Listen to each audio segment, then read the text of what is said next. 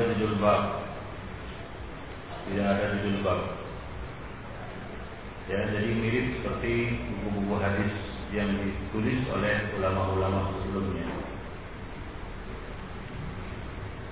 Maka dari itu buku ini harus kita lihat dari dua sisi. Satu sisi sebagai buku hadis yang mudah untuk dihafal, mudah untuk di, uh, dimengerti karena sudah dibagi-bagi hadisnya dalam kitab-kitab dan dari sisi yang lain buku ini kita pandang sebagai buku fikih dan kita akan mensyarah buku ini atau Bulughul Maram ini ditinjau dari ya, sisi fikihnya yaitu kandungan-kandungan fikih yang terdapat di dalamnya. Maka sebelum kita masuk pada pembahasan-pembahasan fikih, ada baiknya kita berbicara sedikit tentang ilmu fikih, keutamaannya, ya dan perkembangannya hingga sampai sekarang ini. Ikhwan fikih mengenai keutamaan ilmu fikih tentu tidak diragukan lagi. Karena salah satu tujuan diturunkannya syariat oleh Allah Subhanahu wa taala adalah untuk dipahami dan untuk dilaksanakan dengan sebaik-baiknya.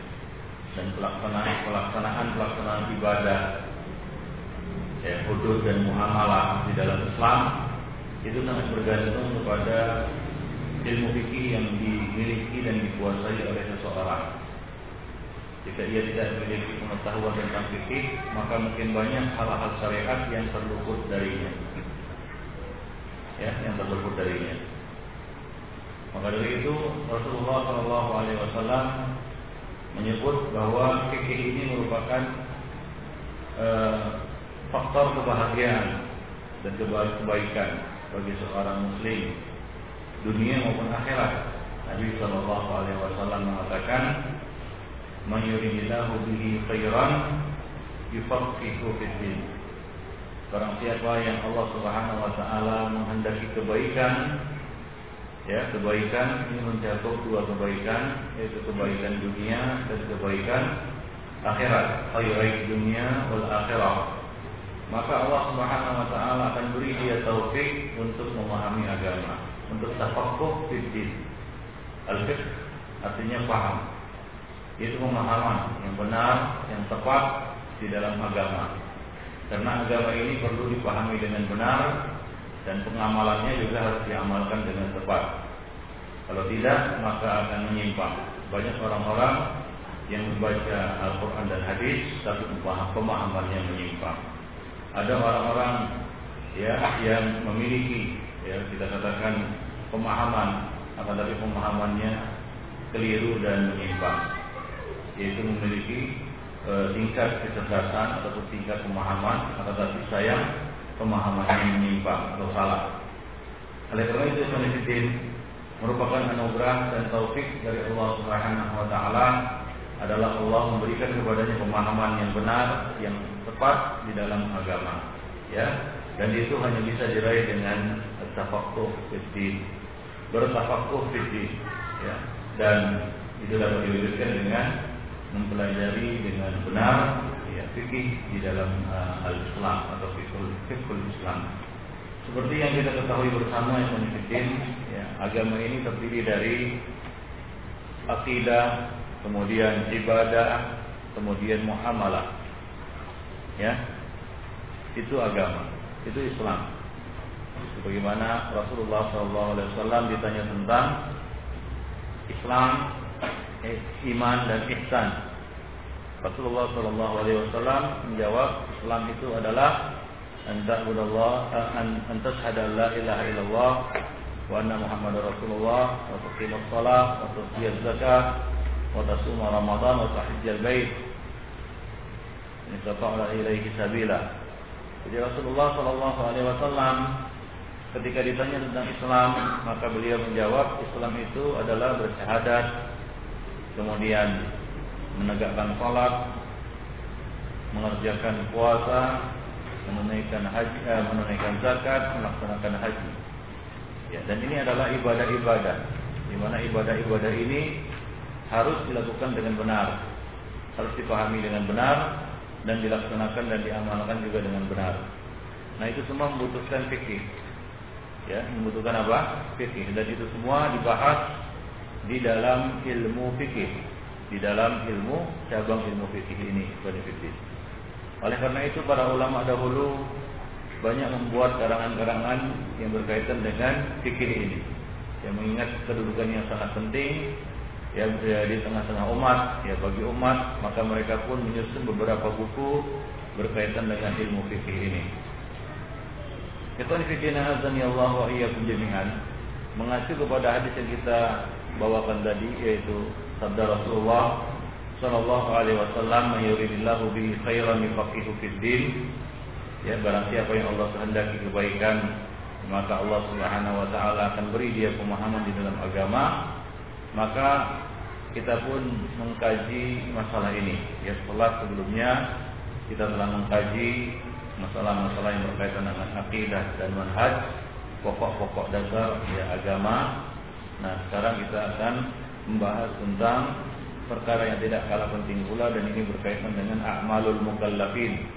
Ya, amal ya bagi para mukallaf yaitu fikih. Ya, yaitu fikih. Nah, demikian Ibnu Fiddin. Jadi, ini merupakan satu kebaikan, tanda kebaikan. Ya, jadi tanda kebaikan. Rasulullah Shallallahu alaihi wasallam menjadikannya sebagai tanda kebaikan bagi seseorang. Tanda Allah Subhanahu wa taala menghendakinya kebaikan, yaitu dia serius untuk tafaqquh fiddin.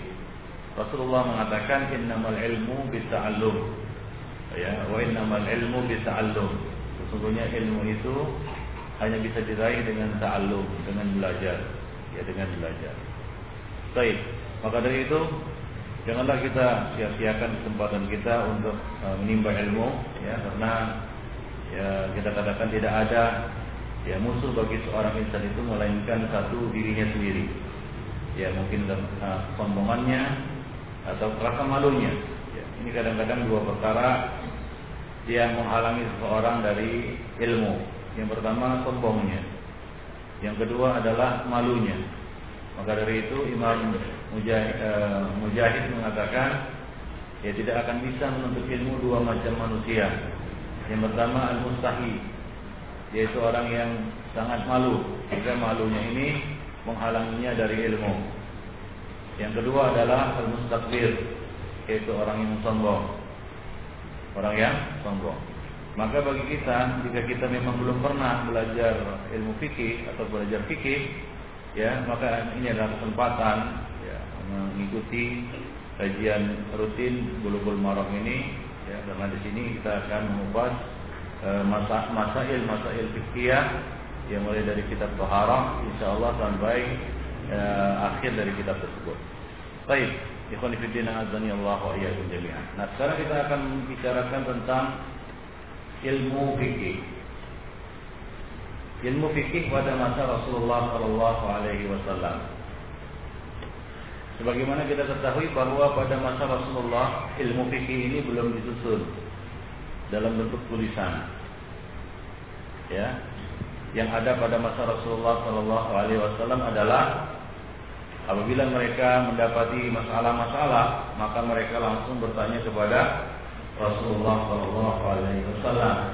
Ya, kalau mereka menghadapi masalah ya kemuskilan problem dalam satu uh, amalan ibadah maka mereka langsung bertanya kepada Nabi atau bertanya kepada para sahabat yang mengerti tentang hal itu ini merupakan salah satu keistimewaan ya keistimewaan uh, para generasi salaf terdahulu khususnya generasi sahabat di mana mereka bisa talaki ya talaki langsung dari Rasulullah Shallallahu Alaihi Wasallam.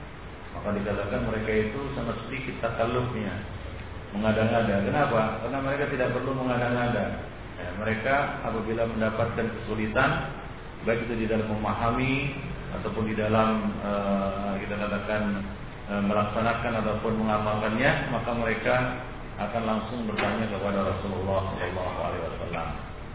Tidak ada pada saat itu kejelasan tentang rukun-rukun syarat-syarat, kewajiban-kewajiban, ya dan lain sebagainya seperti yang dibahas dalam ilmu fikih. Ya, jadi pertanyaan adalah apakah hal itu semua tidak ada atau bid'ah? Kita katakan ada, cuma tidak disusun seperti itu sedemikian rupa.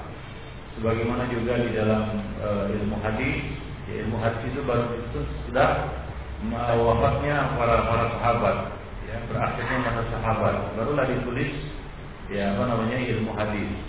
Bukan berarti ilmu hadis tidak ada pada masa sahabat atau pada masa Rasulullah Shallallahu Alaihi Wasallam. Ya, eh, pemilahan eh, antara kabar yang sahih dengan kabar yang tidak sahih sudah ada sejak zaman Rasulullah Shallallahu Alaihi Wasallam.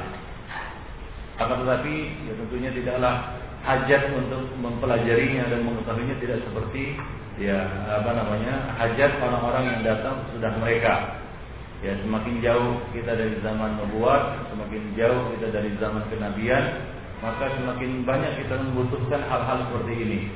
Ya, kita membutuhkan ilmu fikih, kita membutuhkan ilmu hadis, kita membutuhkan ilmu tafsir dan lain-lain sebagainya. Ya, tidak seperti pendahulu-pendahulu kita yang mereka langsung mendapatkan jawaban dari setiap masalah yang mereka hadapi. Jadi pada masa itu tidak ada ya e, buku fikih yang ditulis secara e, terperinci ya seperti sekarang ini. Kemudian pada masa sahabat Rasulullah Shallallahu Alaihi Wasallam, tentunya kita ketahui bersama bahwasanya para sahabat itu berpencar-pencar ke berbagai daerah, ya seiring dengan banyaknya penaklukan-penaklukan dan mereka dikirim berperang berjihad di beberapa daerah, di beberapa wilayah, maka sahabat-sahabat ini pun terpencar-pencar. Mereka menempati tempat-tempat yang berbeda. Ada yang berada di Syam, ada yang berada di Mesir, ada yang berada di Kufah, Irak dan lain sebagainya. Ada yang di Yaman dan Rasulullah Shallallahu Alaihi Wasallam juga pada masa beliau juga mengirim para sahabat seperti misalnya mengirim Abu Musa al Mu'az bin Jabal dan Abu Musa al-As'ari ke negeri Yaman. Nah, jadi itulah dia yang terjadi pada masa sahabat bahwa mereka tidak berkumpul di satu tempat. Mereka berpencar-pencar. Oleh karena itu kita dapati ya, di sana banyak beberapa pendapat-pendapat para sahabat yang berbeda-beda. Ya, Misalnya pendapat para sahabat yang ada di Kufah berbeda dengan pendapat para sahabat yang ada di Syam. Dan perbedaan pendapat yang paling mencolok yang dapat kita lihat dan saksikan di dalam sejarah adalah perbedaan pendapat di antara mereka tentang bagaimana menyikapi pembunuh Utsman. Di mana ya Ali bin Abi Thalib radhiyallahu anhu dan pada para ada para sahabat yang berada di Kufah memandang bahwa masalah ini bisa diakhirkan dan lebih dulu dibicarakan tentang masalah uh, pengangkatan khilafah atau khalifah. Sementara sahabat-sahabat yang ada di Syam dan di Madinah berpendapat tidak. Yang pertama kali harus diselesaikan adalah meringkus para pembunuh Utsman baru setelah itu memilih khalifah. Di sini terjadi perbedaan eh, pendapat di kalangan sahabat Ibn Fiddina azani Allah wa jami'an. Jadi mereka tidak satu daerah dan satu wilayah. Mereka berpencar-pencar. Dengan demikian terjadilah nah, kita katakan eh, markas-markas yang berbeda-beda. Ada yang di Syam, ada yang di Madinah, ada yang di Mekah. Ya, seperti Ibnu Zubair di Mekah, ada yang di Yaman, ya, kemudian ada yang di uh, Kufah, di Baghdad dan seterusnya. Ya, nah demikian. Jadi muncullah di sana uh, kita katakan aliran-aliran di dalam fikih, pemahaman-pemahaman di dalam fikih. Nah kemudian apa sebabnya para sahabat ini berbeda-beda pendapat? Ada di sana faktor-faktor yang menyebabkan para sahabat itu berbeda pendapat di antara mereka. Yang di antaranya adalah faktor pertama, ya ada sahabat yang pernah mendengar sebuah hukum atau sebuah kasus atau fatwa dari Rasulullah Shallallahu Alaihi Wasallam, sementara sahabat yang lainnya tidak mendengarkannya. Lalu yang tidak mendengar ini beristihad dengan dengan istihadnya dalam masalah itu, maka terjadilah perbedaan pendapat. Nah hasil istihad mereka ini ada macam-macam ya bisa jadi hasil istihad itu sesuai dengan hadis Rasulullah Shallallahu Alaihi Wasallam. Sebagai contoh, hadis yang diriwayatkan dari Ibnu Mas'ud bahwa ia pernah ditanya tentang seorang wanita yang ditinggal mati suaminya. Sementara suami wanita itu belum menetapkan berapa mahar yang akan diberikan kepada si istri. Ya, kasus. Jadi ini kita fikih dan fikih itu butuh juga nalar yang bagus ya karena itu fikih pemahaman ya pemahaman di dalam agama. Nah ketika seorang itu belajar tentang fikih maka dituntut uh, kecerdasan yang apa namanya yang lebih lah ya kecerdasan yang lebih. Nah, demikian. Baik.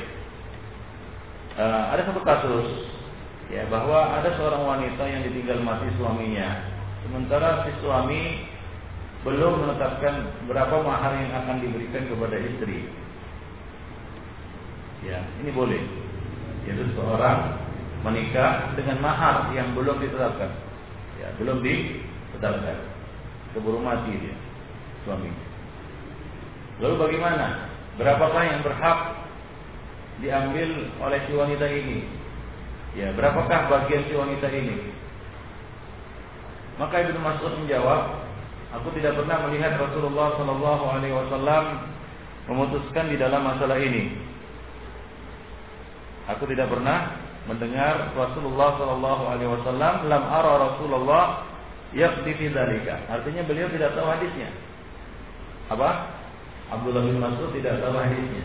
Aku belum pernah melihat Rasulullah memutuskan dalam masalah ini. Fakhtalafu alaihi syahran wa alahu fastahada bi ra'yihi Nah, kemudian mereka bolak-balik menemui Abdullah bin Mas'ud selama sebulan. Sebulan Ibnu Mas'ud tidak memberikan jawaban. Artinya beliau mengatakan lam ara Rasulullah yakfi fi aku belum pernah Rasulullah melihat Rasulullah memutuskannya. Artinya aku tidak tahu hadisnya. Akan tapi mereka terus menerus selama satu bulan penuh mereka terus meminta kepada Nabi eh, kepada Abdullah bin Mas'ud untuk memutuskan masalah ini. Maka Abdullah bin Mas'ud pun beristihad dengan logikanya, dengan ra'yinya. Fastahada bi ra'yihi. Faqata bi anna laha mahrun mahrun. Ya, maka Abdullah memutuskan ya bahwa wanita tersebut berhak menerima mahar seperti mahar yang diberikan suami kepada istrinya yang lain. Tidak lebih dan tidak kurang. Artinya mahar yang berlaku secara standar di tempat itu namanya mahar mitar. Dalam ilmu fikih ini disebut mahar mitar. Ya, ini penting untuk dijadikan rujukan apabila terjadi perselisihan.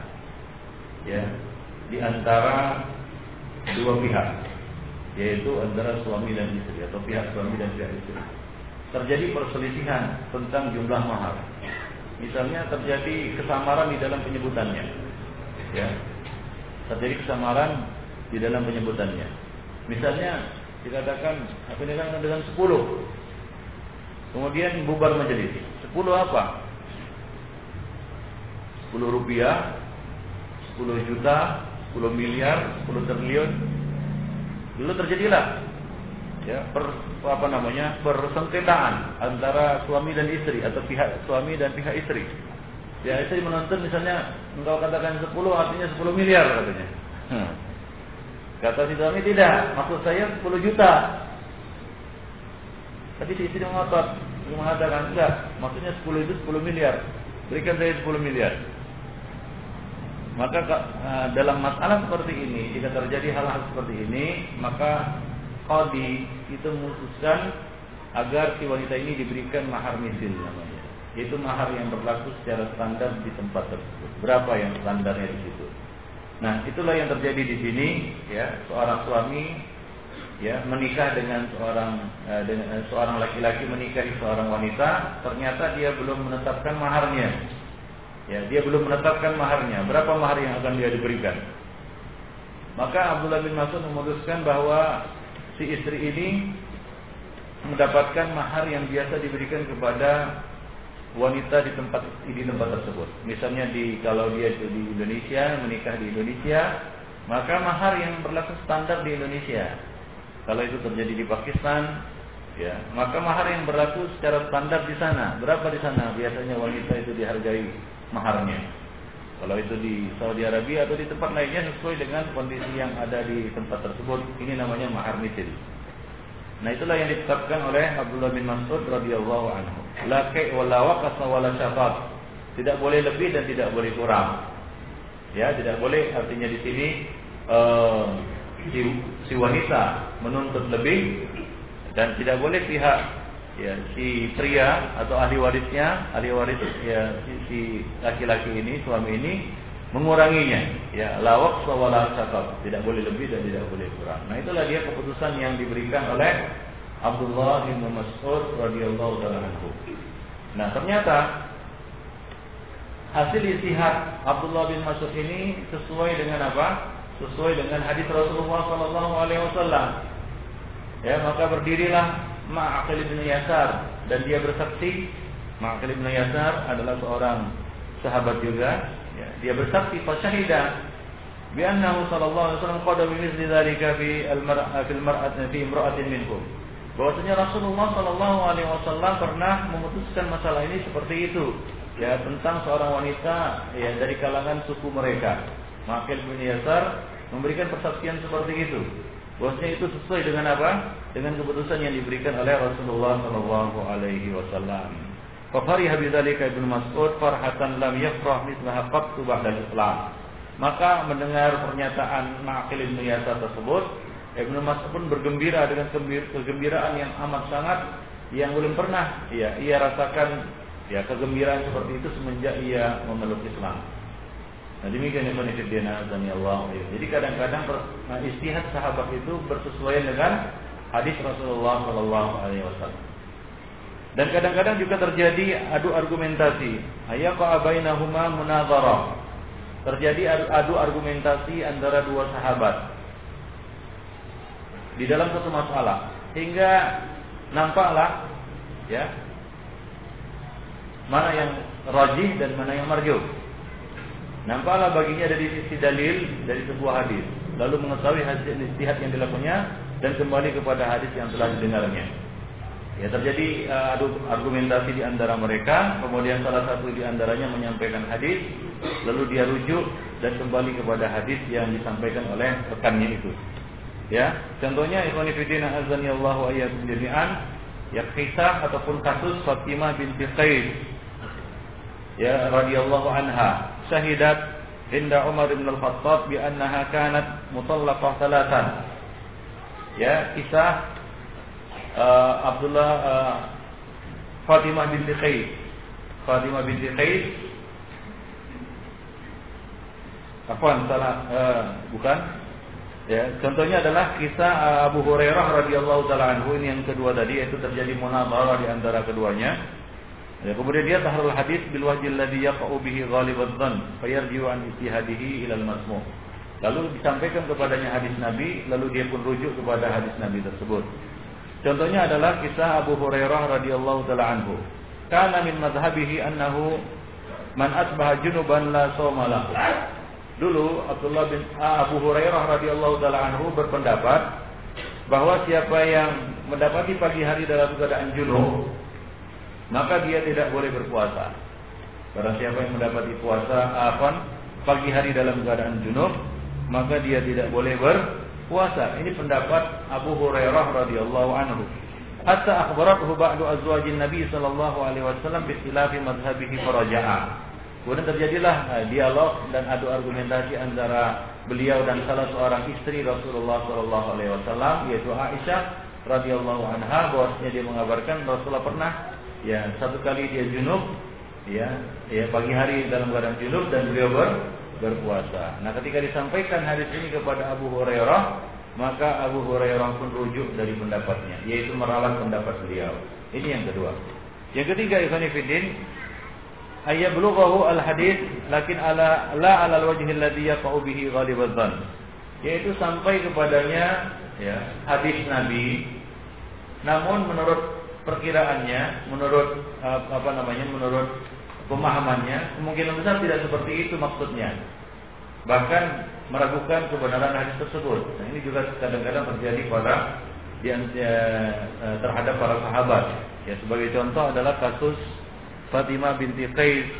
Ya Fatimah binti Qais radhiyallahu anha dia pernah bersaksi syahidat inda Umar bin Al-Khattab bi annaha kanat mutallaqah salatan bahwa ia pernah memberikan persaksiannya di hadapan Umar bin Khattab bahwa ia ditalak dengan talak tiga. Falam yaj'al Rasulullah sallallahu alaihi wasallam nafaqatan wala suqna. Kemudian Rasulullah sallallahu alaihi wasallam memutuskan bahwa dirinya tidak berhak lagi menerima nafkah dan tempat tinggal.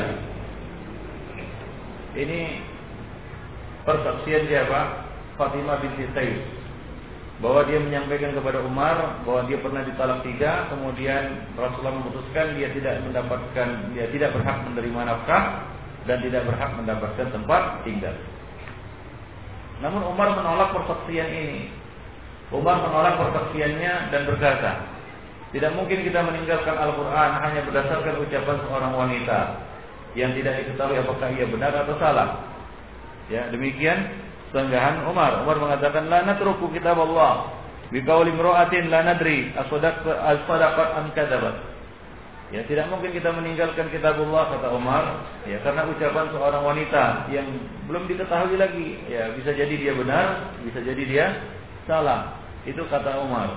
Kemudian Umar Aisyah radhiyallahu anha mengatakan, "Ya Fatimah, ittaqillah, ittaqillah." Ta'ni fi qawliha, fi qawliha, la tuqna wa la naqqa. Kemudian Aisyah berkata kepadanya, "Wahai Fatimah, bertakwalah kepada Allah." Ya ini berkenaan dengan ucapannya itu, yaitu tidak menerima tempat uh, tidak berhak menerima nafkah dan tempat tinggal. Nah, kemudian Fatimah tetap menyampaikan kesaksiannya ini. Ya bahwa orang yang uh, wanita yang ditalak tiga tidak berhak mendapatkan sukna, tempat tinggal dan juga apa? nafkah. Dan ini yang benar sebenarnya. Tapi demikianlah Umar mengira bahwasanya ini tidak benar. Mungkin salah dia memahami ataupun menyampaikan riwayat ini.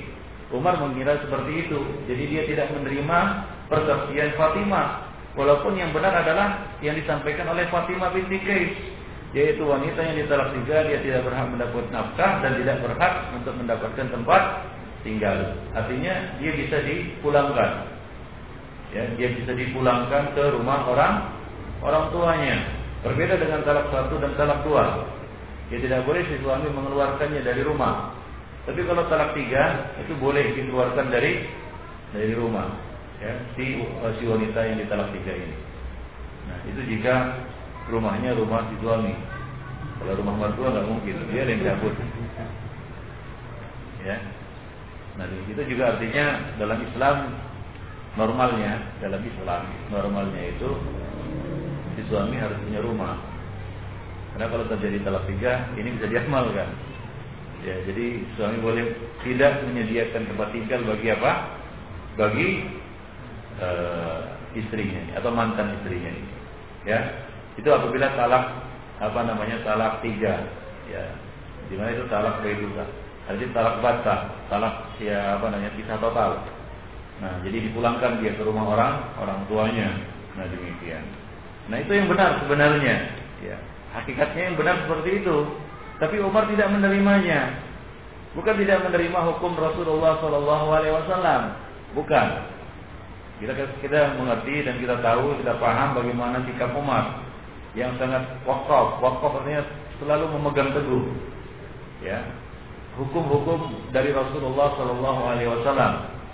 Namun di sini yang yang membuat Umar menolaknya adalah karena dia ragu, mungkin salah Ya, Fatimah binti Qais mungkin salah di dalam memahami keputusan Rasulullah Shallallahu Alaihi Wasallam.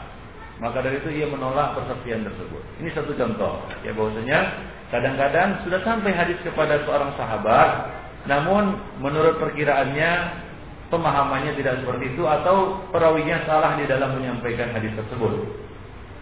Kemudian ada kemungkinan yang ketiga atau keempat yaitu mereka tidak mendengar hadis sama sekali. Yaitu Allah yasila ilaihil hadis aslan. Tidak sampai kepada mereka hadis itu sama sekali. Dan ini juga juga sering terjadi.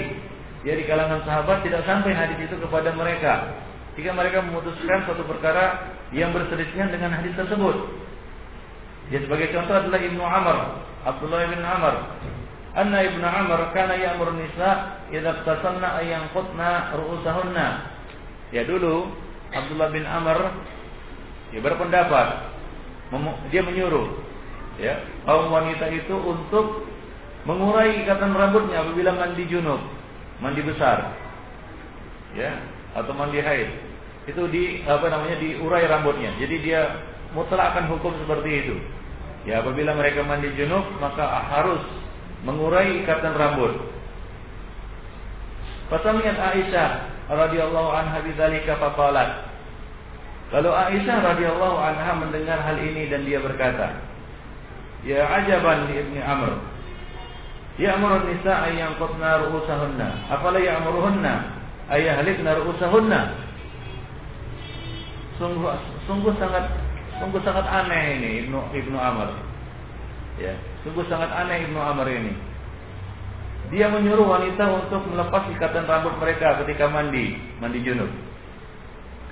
Tidakkah dia suruh saja wanita-wanita itu mencukur rambut-rambut mereka? Ya, artinya logikanya itu memberatkan. Ya, ya, ambil yang paling ringan saja, yaitu apa? Dicukur aja sekalian. Kata Aisyah radhiyallahu anha, "Faqad kuntu aqtasilu ana wa Rasulullah min ina'in wahid." Sungguh aku pernah mandi bersama Rasulullah dari satu bejana. Wa ma azidu ala afragha ala ra'si salasa ifraghat dan aku tidak lebih dari menuangkan tiga kali tuangan ke ke kepalaku atau ke rambutku. Ya tentu saja konfidin menuangkan tiga kali tuangan ke kepala, ya. Kalau itu e, rambut diurai itu tidak akan cukup, tidak akan mungkin, ya dengan tiga kali tuang. Gak usah rambut perempuan, ya rambut e, laki-laki aja nggak cukup kan begitu ya. Jadi ini menjelaskan kepada uh, kaum muslimin kepada ya mereka waktu itu bahwasanya beliau tidak membuka ikatan rambutnya. Itu Aisyah tidak membuka ikatan rambutnya. Ya, demikian juga ada hadis-hadis lain yang mendukung eh, pernyataan dari Aisyah radhiyallahu taala anha ini. Nah, demikian. Jadi boleh jadi ya, satu hadis itu belum sampai kepada seorang sahabat lalu dia memutuskan pendapat yang berbeda dengan uh, apa namanya kandungan hadis. Baik. Nah juga yang terjadi pada Aisyah radhiyallahu anha. Aisyah pernah memutuskan melarang orang atau seorang muslim buang hajat atau buang air kecil sambil berdiri. Dan dia mengatakan barang siapa yang pernah menceritakan Nabi pernah buang air kecil sambil berdiri maka dia telah keliru. Ya, Aisyah menafikannya dan dia mengambil pendapat melarang orang itu buang air kecil sambil ber berdiri. Nah, belum sampai kepadanya hadis Hudzaifah. Hudzaifah Ibnu Yaman. Ya, bahwasanya Rasulullah SAW pernah mendatangi tempat pembuangan sampah satu tahun, lalu beliau buang buang air di situ dengan ber, berdiri dan aku menutupinya, yang membelakangi beliau. Jadi itu pernah dilakukan oleh Rasulullah. Hadis ini belum sampai kepada Aisyah. Jadi perbedaan pendapat di kalangan sahabat itu bisa terjadi karena satu hadis itu tidak sampai kepada salah seorang dari mereka, kemudian mereka beristihad, ya dan ternyata hasil istihadnya bertentangan dengan apa? Dengan dengan hadis. Kalau yang pertama tadi istihad Abdullah bin Mas'ud bersesuaian dengan dengan hadis. Nah, demikian yang Ibn rahimani wa rahimakumullah Nah, itu beberapa kondisi yang terjadi di kalangan sahabat berkaitan dengan eh, apa namanya pendapat-pendapat fikih di antara mereka.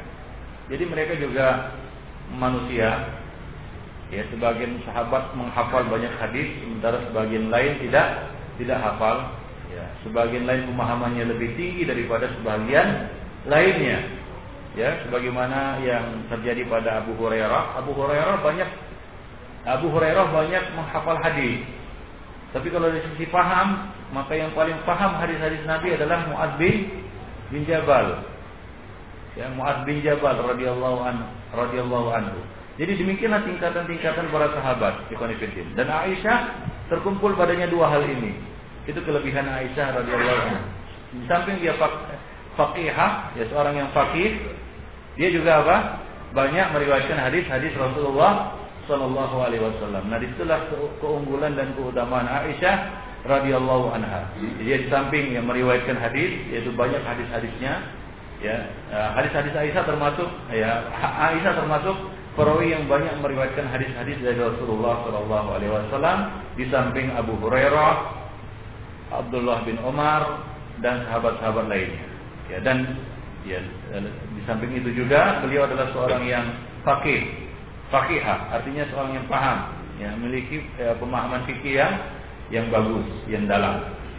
Dan beliau termasuk salah satu rujukan Aisyah termasuk ya, rujukan para sahabat banyak para sahabat bertanya kepada Aisyah radhiyallahu anha tentang perkara-perkara fikih. Baik. Kemudian ayyarau Rasulullah sallallahu alaihi wasallam fi'lan fayahmalu fayahmaluhu ba'duhum ala al-qurba wa ba'duhum ala ibaha. Nah, ini juga sering terjadi yaitu para sahabat melihat Rasulullah melakukan satu perbuatan. Lalu sebagian dari mereka menganggapnya itu sebagai ibadah. Sebagian lagi mengatakan tidak itu perkara adat itu perkara ibadah, bukan ibadah. Nah ini sering terjadi. Contohnya adalah annahum ra'au an-nabiy sallallahu alaihi wasallam yarmalu fit tawaf. Bahwasanya mereka melihat Rasulullah sallallahu alaihi wasallam itu berlari kecil, ya berlari kecil ketika tawaf. Padahal jumhuruhum ila anna ramal fit tawaf sunnah. Maka sebahagian sahabat berpendapat bahwa berlari kecil atau ramal di dalam tawaf itu adalah sunnah. فحمله ابن عباس على أنه إنما فعله على سبيل الاتفاق لعارض لعارض عرضه Ya Ibnu Abbas berpendapat itu mubah saja. Artinya kalaupun tidak, dia tidak melakukan itu sah-sah saja tawafnya. Karena Rasulullah Shallallahu Alaihi Wasallam melakukan itu secara kebetulan. Yaitu ada ada apa namanya arif. Ada satu hajat dan kebutuhan beliau melakukan itu. Yaitu ketika orang-orang musyrikin yang mengatakan hatamat hum huma yasrib. Ya bahwasanya coba lihat sahabat-sahabat Nabi itu orang-orang Mekah yang dulunya tinggal di Mekah kemudian hijrah ke Madinah, sekarang mereka datang lagi mau haji, ya mau haji ketika itu ya, umroh ya gitu. Ya, coba lihat mereka itu terserang ya apa namanya malaria Madinah, humma Madinah, humma Yasrib. Kena kena apa namanya istilahnya ke malaria Yasrib. Maka mendengar itu Rasulullah Shallallahu Alaihi Wasallam ingin menunjukkan kepada mereka bahwasanya mereka segar bugar, mereka sehat walafiat, ya mereka tidak lemah. Maka beliau pun berlari kecil eh, sebanyak tiga putaran.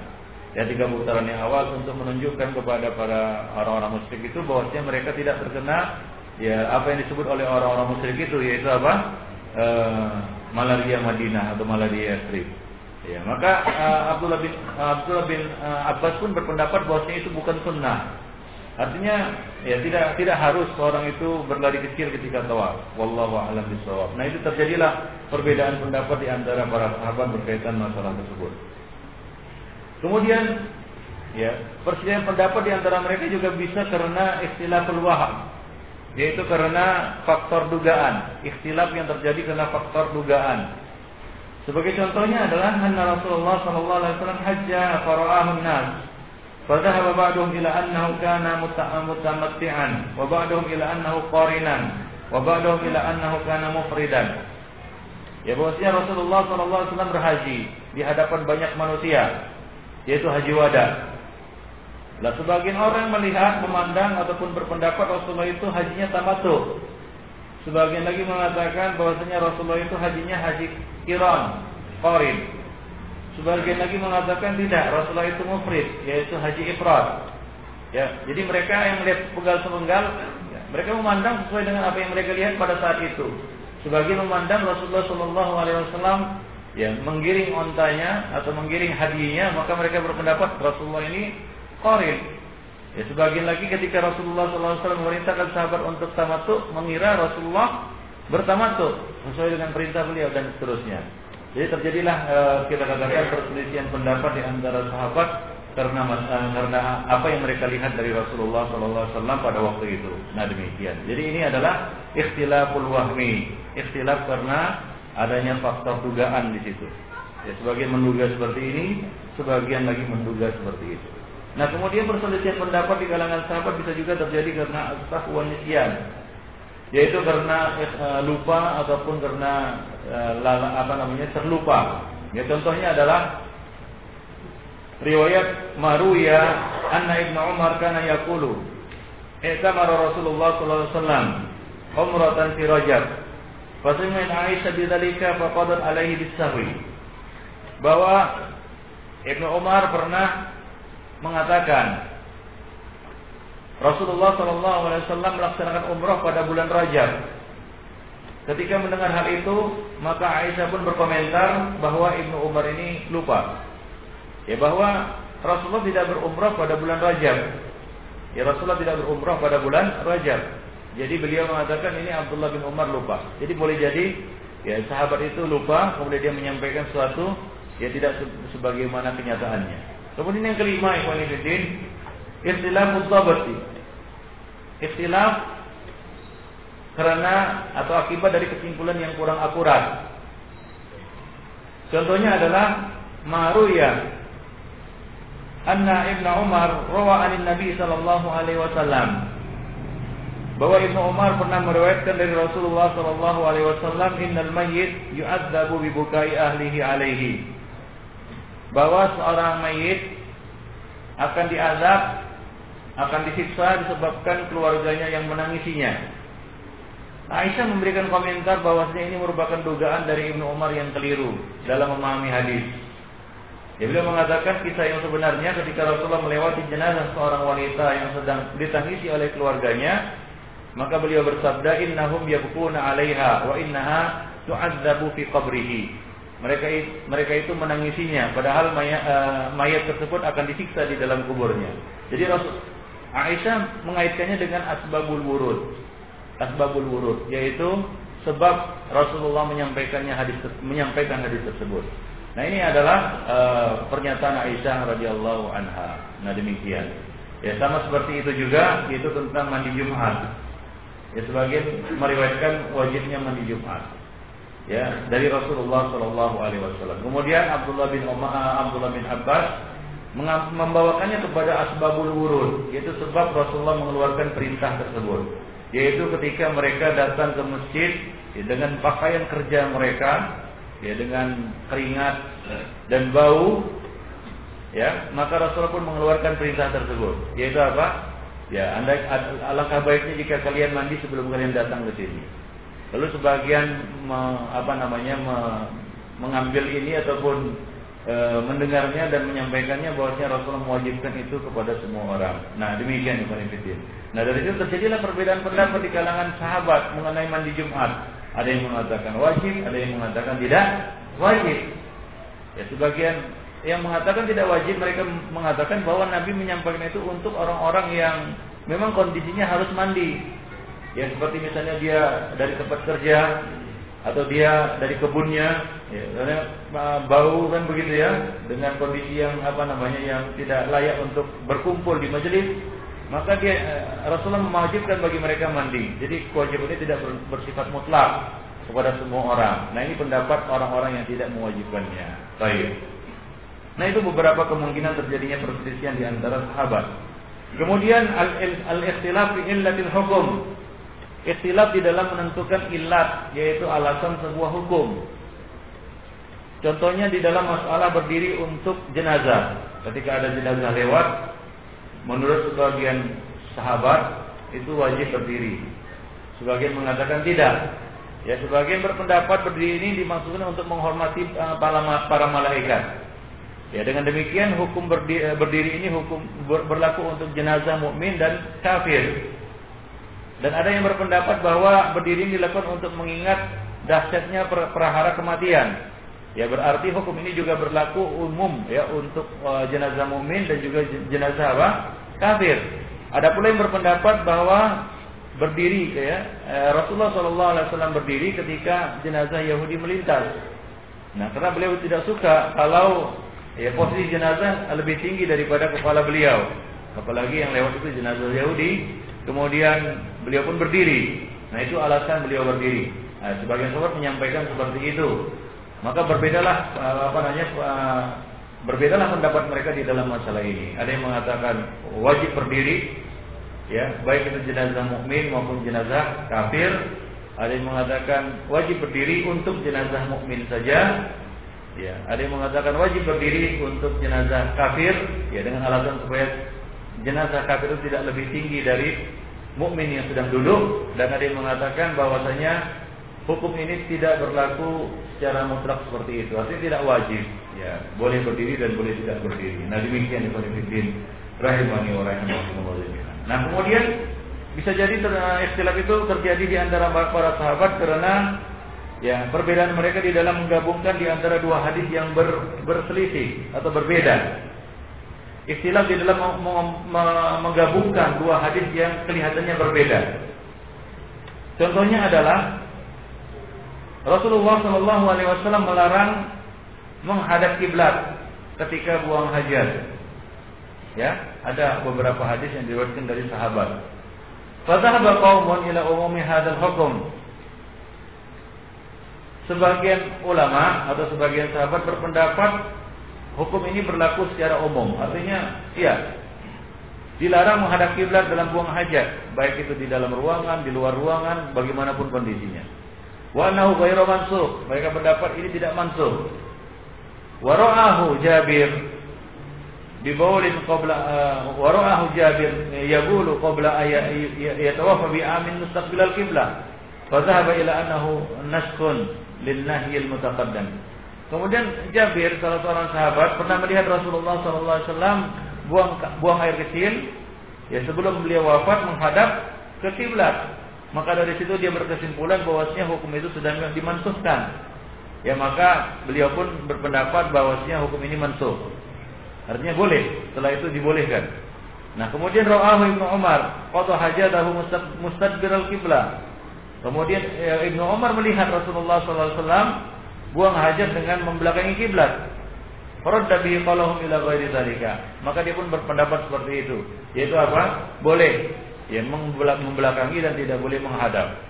Sebagian mengatakan boleh di dalam ruangan, tidak boleh di luar ruangan. Artinya begitulah terjadinya ikhtilaf di kalangan apa? Di kalangan uh, sahabat radhiyallahu taala Jadi supaya kita mengerti bahwa di antara sahabat sendiri terjadi ikhtilaf. Dan ketika kita mempelajari masalah-masalah fikih, maka itu tidak akan lepas dari yang namanya ikhtilaf. Ya, ikhtilaf. Karena kita sampaikan perkataan para ulama di antaranya Az-Zuhri dan lain-lain bahwasanya ikhtilaf para ulama ini kita harus ambil sisi tibarnya. Artinya ini adalah kelapangan, ada ke, ke, apa namanya kemudahan bagi umat. Ya, ada udur bagi mereka. Ya, dengan adanya ikhtilaf ini. Ya, ada kelapangan bagi bagi umat. Walaupun kita katakan kita harus mengikuti pendapat yang benar dari setiap masalah yang diperselisihkan, bukan kita mencari pendapat yang marju, pendapat yang lemah. Demikian konfidin. Ya, jadi ini harus kita maklumi. Maka dari itu Laid bin Sa'ad mengatakan ya tidak boleh e, berbicara tentang fikih bagi orang yang tidak mengetahui istilah. Apa? Tidak boleh berbicara fikih bagi orang yang tidak mengerti masalah istilah para ulama. Ya, Imam Syafi'i mengatakan tidak boleh ya membahas fikih bagi orang yang tidak mengetahui nasib dan dan mansuh. Jadi para ulama memberikan standar-standar tertentu di dalam masalah fikih yang harus diketahui dasar-dasar. Jadi kalau orang berbicara fikih dia nggak mengerti adanya ikhtilaf, ya boleh jadi perkara yang muttafaq dikatakannya ikhtilaf, perkara yang ikhtilaf dikatakannya ijma. Ya, artinya perkara yang sudah disepakati dikatakan masih berselisih ulama. Sementara perkara yang masih berselisih dia katakan apa? Sepakat ulama. Dikatakannya ijma.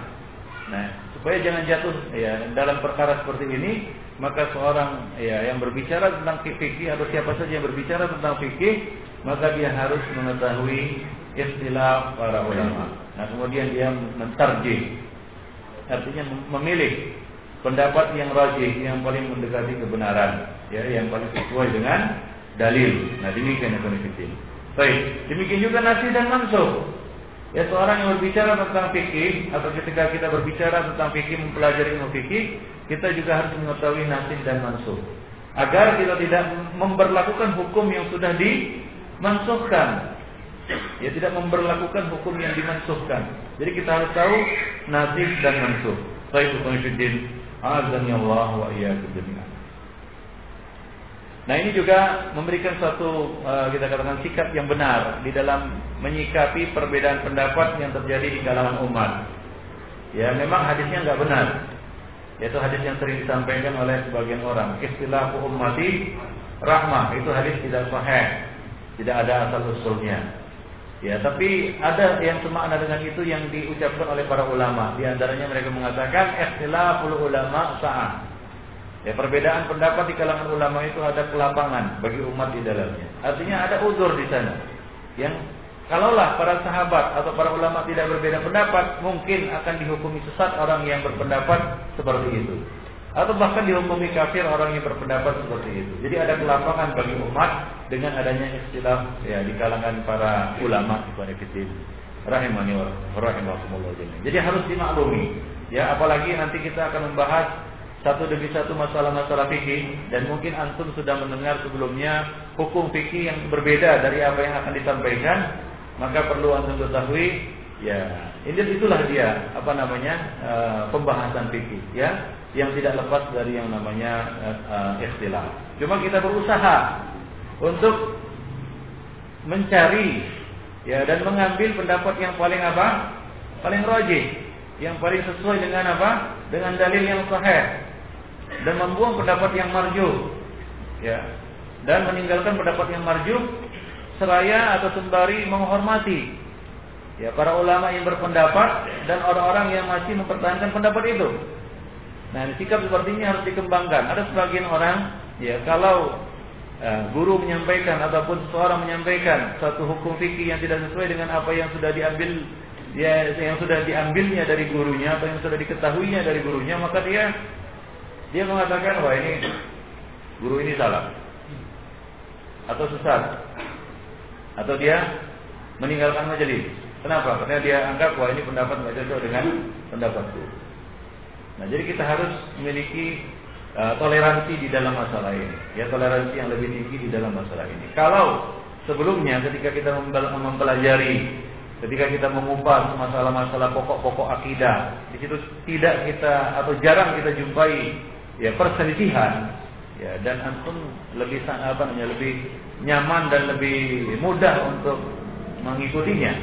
Ya karena tidak ada dua pendapat, tidak ada tarjih, tidak ada alasan mengapa ini yang lebih rojih, mengapa ini marju. Kan begitu ya? Nah, itu di dalam masalah-masalah akidah, pokok-pokok akidah yang sudah kita bahas kemarin. Nah, di dalam masalah fikih ini, mungkin dari masalah pertama sampai terakhir penuh dengan apa? Penuh dengan istilah. Ya.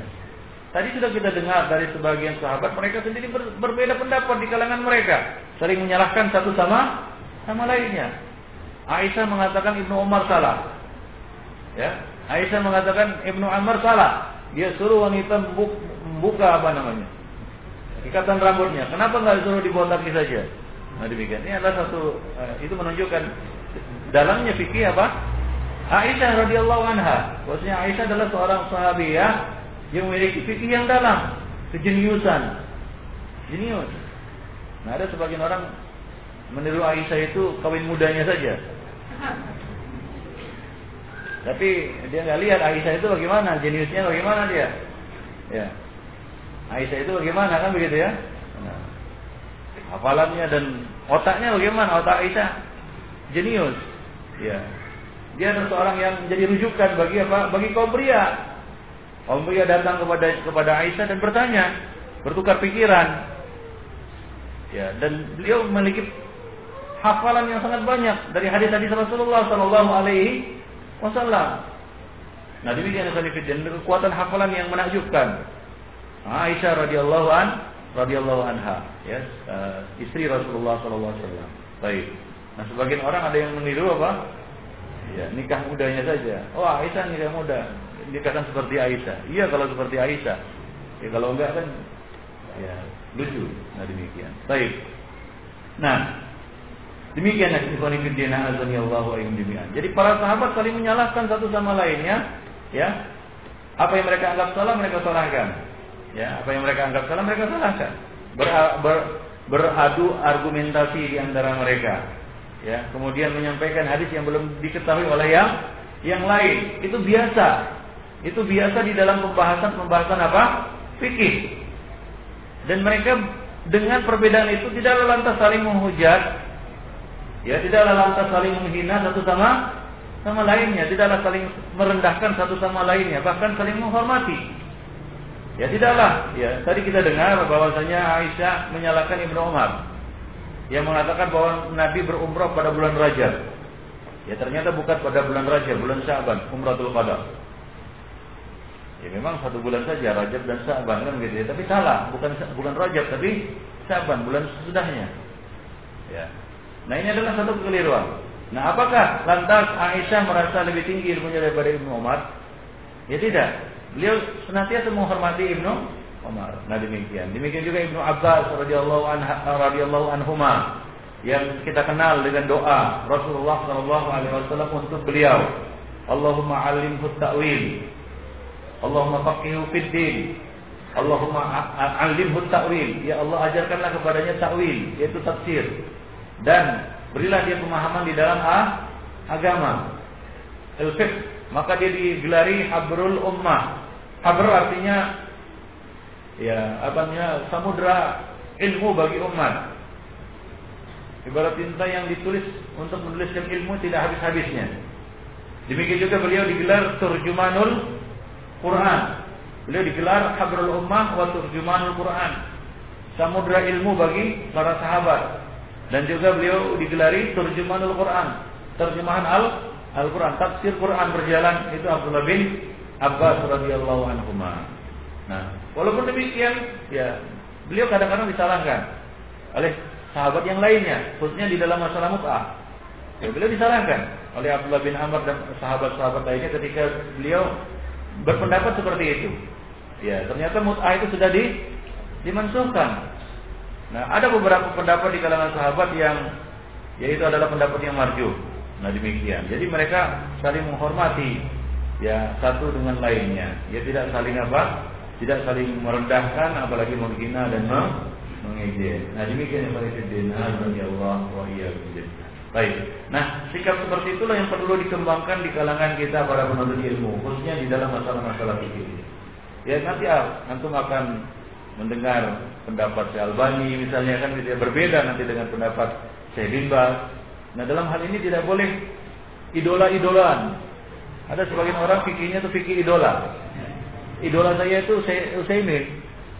Ya, mau bumi jungkir balik pun ya tetap Utsaimin katanya. Nah, ini ini awam, ini muqallid murni sebenarnya. Ya, ini muqallid murni. Ya, muqallid mutlak. Dia bukan menuntut ilmu apalagi mustahil. Ya. Nah, ada yang fikirnya tuh fikir idola-idolaan seperti ini. Nah, tidak seperti itu fikir, ya. Kita tidak terpaku kepada pendapat ya, seorang ulama atau seorang imam atau seorang sahabat. Sahabatnya tidak boleh terpaku kita pada sahabat tertentu. Itu sahabat. Kalau kita harus bermazhab, maka mazhab yang paling yang perlu yang yang lebih tinggi dan yang paling layak untuk diikuti adalah mazhab sahabat. Ya kan? Nah, kita ambil mazhab Ali bin Abi Thalib atau mazhab Utsman ya, atau mazhab Abu Hurairah. Ya kenapa harus mengambil mazhab sudahnya? Nah demikian ya sanifidin. Azan ya Allah wa Tapi tidak ada mazhab di dalam Islam. Nanti akan kita jelaskan masalah ini pada pertemuan berikutnya. Ya karena di sini ada beberapa mukadimah yang penting juga. Di antaranya adalah bagaimana pernyataan para imam dan bolehkah atau haruskah kita ini bermadhab Ya karena nanti syarah Bulughul Maram yang kita tulis itu tidak mengacu kepada mazhab tertentu. Dan penjelasan kita nanti terhadap kita Bulughul Maram ini juga tidak mengacu kepada mazhab tertentu. Nah demikian. Baik. Nah ada anggapan sebagian orang kalau tidak bermazhab itu sesat atau ngawur atau nggak ada imamnya. Ya kita katakan ya bukanlah satu suatu keharusan, bukanlah suatu konsep apa namanya kita katakan suatu kelaziman. Kalau tidak bermazhab tidak berimam. Justru kita tidak lepas dari perkataan imam. Imam Ahmad telah memperingati, memperingatkan kita. Hindarilah kamu berfatwa atau berpendapat dengan dengan suatu pendapat yang kamu tidak ada imam, ya sebelumnya. Artinya tidak ada imam, tidak ada ulama yang berpendapat itu sebelumnya.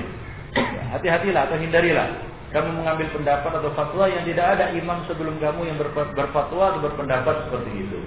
Nah demikian. Jadi kita sebenarnya tidak lepas dari pendapat para a'imah.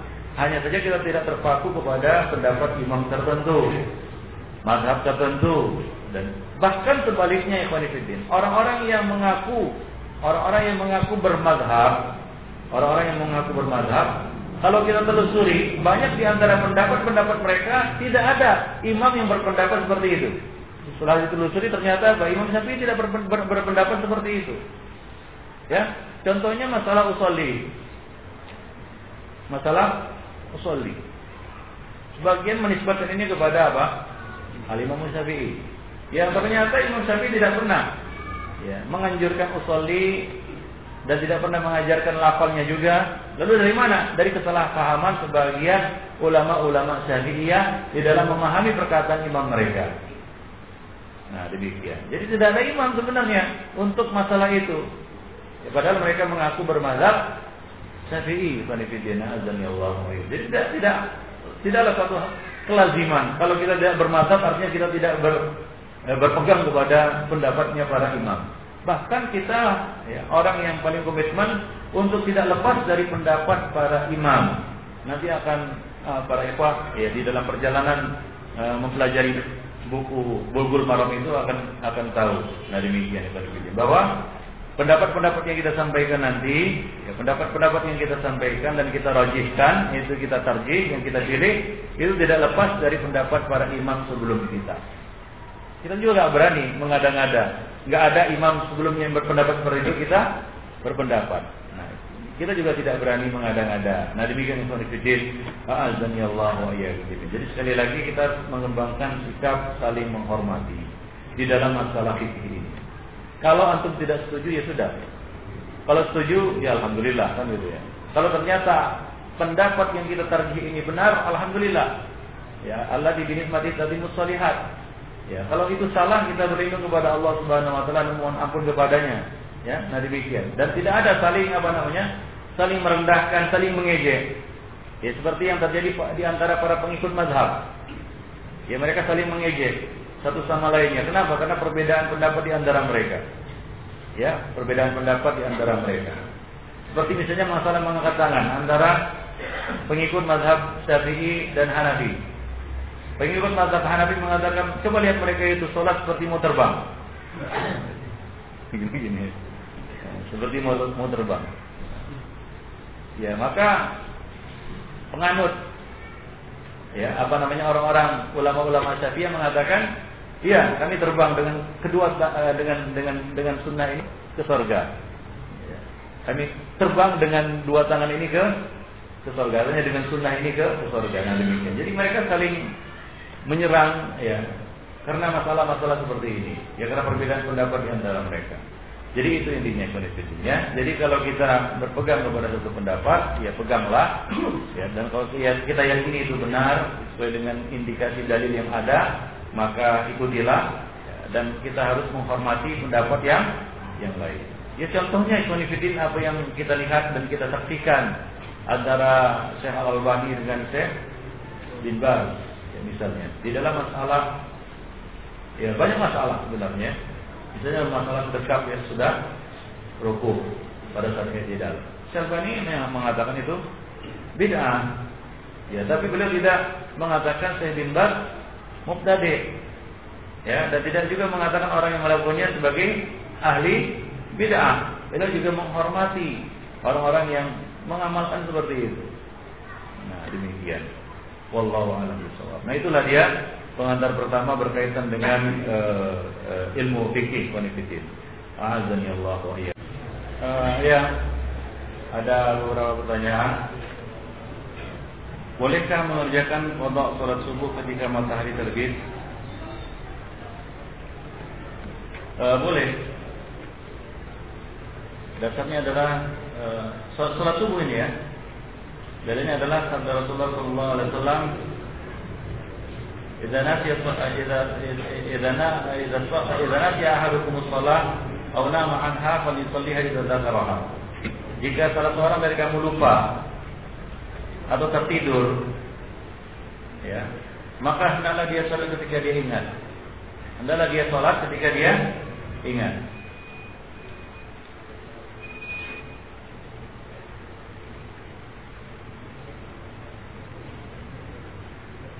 Apakah setiap bacaan solat pada ayat-ayat sajadah seperti Iqra dan lain-lain wajib sujud tilawah? Ibnu Taimiyah berpendapat wajib. Beliau mengatakan sallu kama raaitumuni usolli. Rasulullah SAW tidak melewatkan sujud apa namanya ayat tilawah melainkan beliau sujud. Adapun jumhur ulama mengatakan tidak wajib. Ya tidak wajib untuk sujud.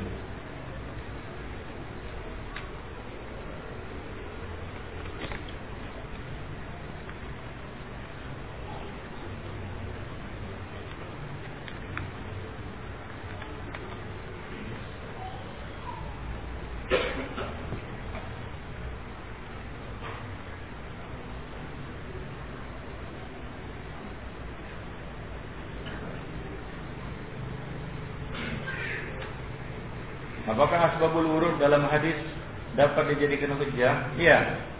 Asbabul wurud membantu kita untuk mengetahui kondisi sebenarnya. Ilat hukum. Seperti tadi Rasulullah Shallallahu alaihi wasallam menyuruh orang-orang untuk mandi ketika beliau melihat ya, bahwasanya orang-orang itu datang dengan pakaian kerja mereka ya bau keringat dan kotor maka Rasulullah menyuruh mereka mandi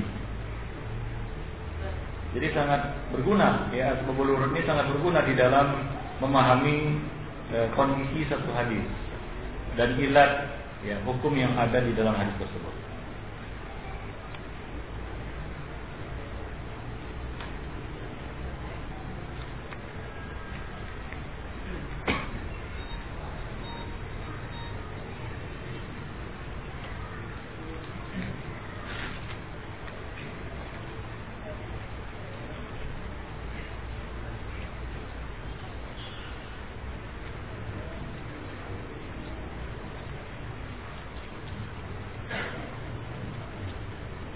Uh, saya ingin tanya satu hal, yaitu masalah kewajiban mandi Jumat. Uh, tadi dikatakan istilah para sahabat. Iya, ada istilah di antara sahabat antara wajib dan tidak wajib. Ada yang mengatakan wajib, ada yang mengatakan tidak wajib. Jadi bagaimana dengan hadis Rasulullah SAW? Iya, hadis ini dipahami oleh sebahagian ya, sahabat. Bahwasanya hadis ini ada asbabul urutnya. Idza jaa al-jum'ah falyaghtasil. Itu hadis Nabi. Nabi mengatakan apabila salah seorang dari kamu datang Jumat, maka hendaklah dia mandi. Dalam konteks apa Nabi mengatakan ini? Nah, ini yang di kita harus memahami ya, apa namanya? istidlal namanya ya. Itu pengambilan dalil yang diambil oleh yang dilakukan oleh pihak yang berseberangan dengan kita. Nah, ini sangat penting Ada sebagian orang yang ngotot dengan satu pendapat dia ngotot dengan hadis yang dipegangnya. Dan tanpa mau memahami apa? Ya, argumentasi dan sisi pengambilan dalil yang di yang di apa namanya yang dilakukan oleh pihak pihak lain ya oleh pihak lain yang berseberangan pendapat dengan dia nah, ini yang per perlu kita kembangkan di sini adalah memahami ya di sini lagi pentingnya kita belajar fikih itu kita belajar memahami dari mana para ulama itu mengambil apa namanya hukum itu Kenapa beliau berpendapat seperti itu? Kayaknya nggak masuk akal. Ada sahabat yang berpendapat tidak wajib sementara ada hadis Nabi seperti ini, kan gitu ya. Nah ini harus dipahami.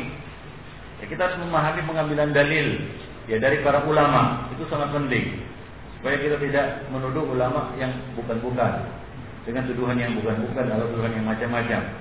Ya, jadi kita harus memahami dari situ kita akan menghormati pendapat yang berseberangan dengan pendapat kita. Sebagai contoh ini, ada hadis yang berbunyi, "Idza ja'a ahadukumul jum'ah fal yaghtasil." Jika salah seorang dari kamu datang Jumat, maka hendaklah dia mandi. Sebagian ulama atau sebagian sahabat ya, memahami bahwasanya perkataan Nabi ini muncul karena satu sebab. Ada asbabul wurudnya, yaitu ketika Rasulullah Shallallahu Alaihi Wasallam melihat orang-orang itu datang dengan pakaian yang kotor dari tempat kerja mereka, berkeringat, bau, maka Rasulullah pun memerintahkan mereka untuk mandi.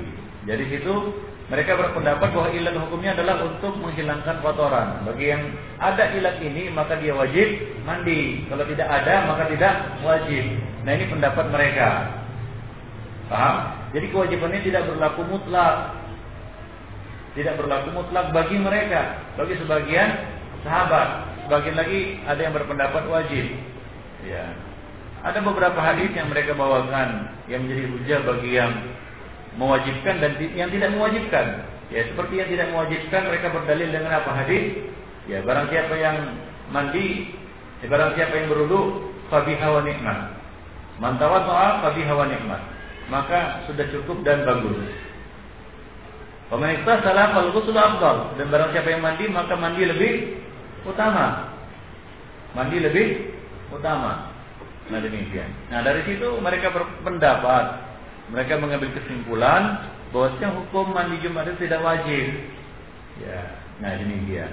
Dan juga di antara dalil yang mereka gunakan adalah ya kisah yang terjadi antara Utsman dan Umar. Ketika Utsman datang, ya kemudian Umar bertanya kenapa terlambat? Ya, nah, aku sibuk hingga aku tidak sempat ya apa-apa selain beruduk. Nah, begitu kata Utsman. Maka Umar mengatakan hanya berurut juga. Nah, begitu. Ya, jadi artinya apa? Ada dua keutamaan ter, eh, terluput dari Utsman yang dianggap oleh Umar di sini. Yang pertama apa? Terlambat datang Jumat. Kemudian yang kedua tidak mandi. Kalau nah mandi itu wajib, maka Umar akan menyuruh Utsman untuk keluar dan dan mandi karena wajib. Nah, demikian. Jadi Umar tidak menyuruh. Utsman untuk mandi. Hanya saja beliau mengherankan dua keutamaan yang terluput dari Utsman ketika itu. Tapi Utsman menyampaikan alasannya. Nah, hadis ini juga dijadikan dalil oleh pihak yang berkata atau berpendapat tidak wajibnya mandi Jumat, ya, uh, yang berpendapat bahwa mandi Jumat itu tidak tidak wajib. Wallahu a'lam. Nah, demikian. Jadi itu dia uh, apa namanya tinjauannya, ya tinjauan hukumnya. Wallahu a'lam Jadi itulah dia Ya, sebagian yang berpendapat wajib secara mutlak mereka berdalil dengan hadis ini. Nah di sini ada beberapa pendapat ulama berkaitan dengan hari Jumat nanti akan kita sebutkan di dalam buku Google Marom ya sebenarnya. Yang pertama dia mewajibkan secara mutlak. Mutlak. Artinya apa? Baik sebelum Jumat maupun sudah Jumat. Mereka mengatakan bahwa mandi Jumat ini wajib karena harinya. Hari Jumat. Maka bila dia mandi nggak sempat mandi sebelum Jumat, maka dia harus mandi sudah Jumat. Ini pendapat Ibnu Hazm Al-Zahiri dan kaum apa namanya uh, ulama-ulama Zahiriyah atau kaum Zahiriyah berpendapat seperti ini. Sebagai mengatakan mandi Jumat itu wajib untuk orang-orang yang datang Jumat. Nah kalau mengacu kepada pendapat yang pertama tadi, maka musafirin yang tidak wajib Jumat juga harus mandi. Wanita yang tidak wajib Jumat juga harus mandi. Setiap mukallaf dan walaupun dia berhalangan datang, misalnya sakit, kan dia nggak datang Jumat. Orang sakit misalnya terbaring di tempat tidur, ya, maka dia juga harus mandi. Semuanya harus mandi karena mandi itu berkaitan dengan hari Jumat bukan sholat Jumat. Yang kedua mengatakan ini yang mewajibkan secara mutlak ya, mereka berbeda pendapat juga. Yang mengatakan yang ya, yang kedua adalah mereka mengatakan bahwa kewajiban ini berkaitan dengan sholat, yaitu wajib bagi orang yang mendatangi sholat Jumat. Bagi yang tidak mendatangi sholat Jumat, maka gugurlah kewajiban. Demikian juga bagi orang yang terluput sampai dia mengerjakan sholat Jumat, maka gugurlah, habislah waktu mandi Jumatnya. Nah ini adalah pendapat jumhur ulama ahli hadis. Imam Malik berpendapat seperti ini dan Imam Ahmad Bahir pendapat beliau juga seperti itu.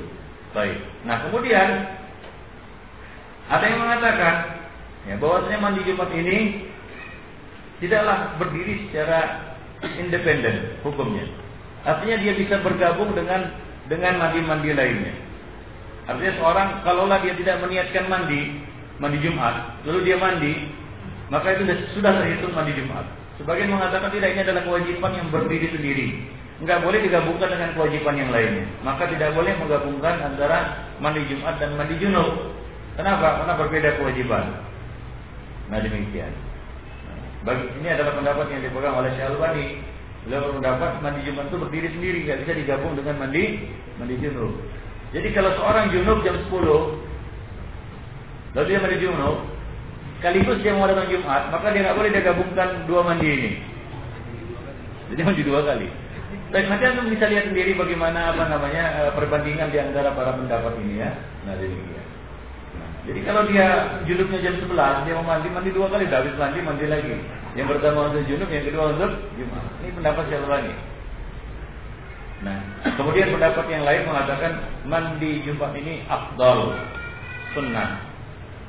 Tidak wajib, sunnah. Sebagian mengatakan sunnah muakkad ditekankan. Ya, lebih ditekankan lagi sebagian mengatakan wajib bagi orang yang punya ilat untuk mandi. Contohnya orang yang kondisinya bau, dia wajib.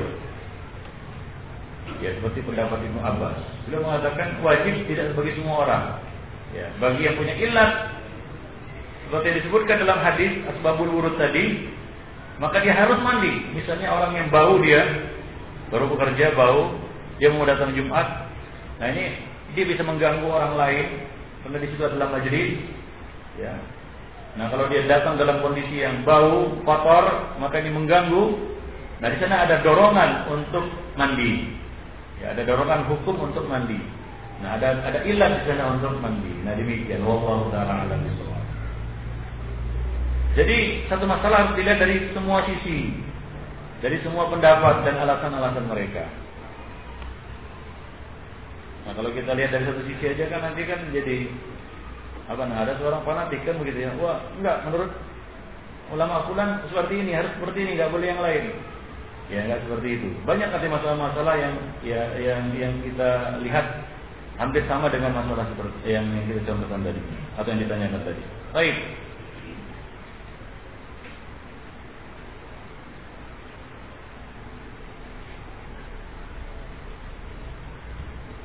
Bagaimana dengan kaidah hukum itu uh, diambil dari keumuman lafal, bukan dari kekhususan sebab. Nah ini ini ini kaidah. Ini kaidah tidak berlaku secara mutlak. Ini ada perinciannya. Kaidah-kaidah seperti ini, kaidah-kaidah usul seperti ini ya nasihat bagi para penuntut ilmu yang belum belajar usul jangan pakai kaidah usul uh, ini bahaya seperti ya seperti seperti yang ya kebanyakan kita lihat sebagian orang belum belajar usul dan belum mengerti maksud dari satu usul atau kaidah lalu dia pakai kaidah itu. Seperti kaidah yang digunakan oleh orang-orang yang membolehkan ya demokrasi dengan apa? Dengan Eh, apa namanya eh, apa namanya uh, uh, buah hafil dararain. Ya memilih doror yang paling ringan katanya.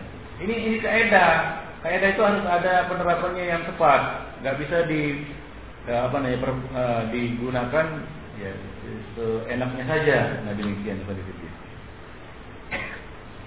baik.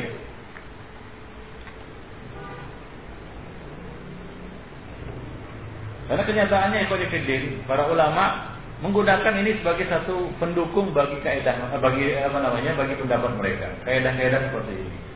Ya bagian mereka mengatakan nah, tidak kita ambil kemutlakan lafalnya saja Nabi mengatakan man atau ada ujung afal mandi nggak ada pilihan yang lain ya makanya saya katakan tadi apa pun pendapat yang terpilih itu harus memahami pendapat yang yang lain dari sisi pengambilannya. Ini kaidah digunakan oleh orang-orang yang menggunakan keumuman lafal. Ya. Menggunakan keumuman lafal, bukan kekhususan sebab. Ya, mereka mengatakan man ata ahadukum al-jum'ah falyattasil.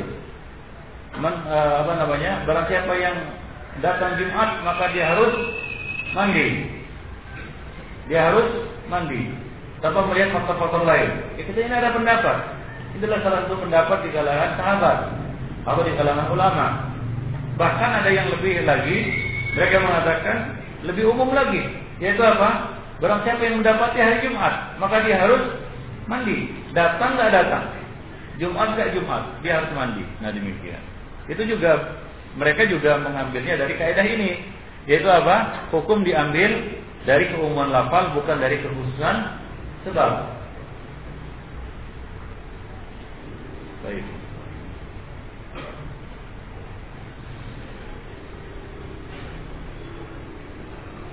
Benarkah ada sebuah riwayat yang menjelaskan bahwa Abu Hurairah pernah dilarang oleh seorang sahabat untuk mengeluarkan hadis atau mengeluarkan hadis? Ya ada yaitu uh, Umar bin Khattab pernah apa namanya memberikan peringatan. Ya cuma ini tidak di apa namanya tidak di uh, uh, laksanakan oleh Abu Hurairah. Abu Hurairah tetap menyampaikan hadis. Ya. Beliau mengartikan peringatan Umar itu sebagai suatu larangan Umar itu sebagai suatu peringatan. Ya bukan suatu larangan. Yang artinya dia tidak boleh menyampaikan hadis. Ya beliau tetap menyampaikan hadis. Buktinya ya sampai kepada kita banyak hadis dari Abu Hurairah. Kalau setelah larangan Umar itu beliau tidak menyampaikan hadis, maka banyak hadis-hadis Abu Hurairah tidak tersampaikan. Jadi beliau tetap menyampaikan, ya beliau ambil hikmah dan itibar itu yaitu hati-hati di dalam periwayatan hadis. Seperti Umar, Umar bukan tidak banyak hadisnya. Umar banyak hadisnya, cuma beliau adalah orang yang sangat hati-hati. Dan beliau tidak mendapatkan keutamaan seperti yang didapati oleh siapa? Abu Hurairah. Abu Hurairah dapat doa dari Nabi. Dan di samping itu Abu Hurairah juga selalu menyertai majelis-majelis Nabi. Ya, tidak sebanyak ya Umar bin Khattab yang juga berdagang. Yang juga beliau berdagang. Umar bin Khattab berkebun dan seterusnya. Pada sebagian sahabat, ya sebagian muhajirin ada yang berdagang, sebagian ansar ber, berkebun. Jadi mereka tidak banyak menghadiri majelis-majelis Nabi sebanyak Abu Hurairah radhiyallahu anhu. Nah demikian. Jadi Umar berhati-hati karena beliau ya tahu bahwasanya beliau tidak banyak. Ya, seperti banyaknya hadis Abu Abu Hurairah.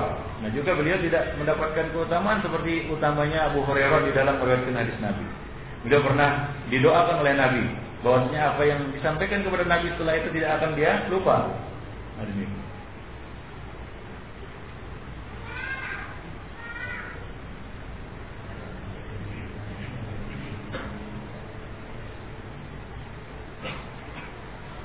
Apakah wiridan, yasinan, maulidan yang dilakukan oleh sebagian kaum muslimin merupakan perbedaan dalam masalah fikih? Karena mereka mengatakan bahwa kegiatan tersebut memiliki dalil, terutama untuk maulid. Ini nggak ada di dalam buku fikih. Supaya itu tahu. Ini adalah perkara yang diada-adakan oleh kaum mutaakhirin. Ya, imam-imam nggak ada yang yang menyebutkan masalah ini. Ya, yang menyebutkan masalah ini, masalah wiridan, maulidan, yasinan, nggak ada. Ya. Ini adalah eh, apa namanya perkara-perkara baru, ya binah yang diada-adakan ya, setelah turun para imam, ya setelah turun eh, tabi tabiin dan turunnya para imam. Baik. Jadi itu bukan perbedaan dalam masalah fikih. Tapi ini adalah masalah bid'ah yang muncul akhir-akhir ini yang perlu di ya apa namanya diberantas.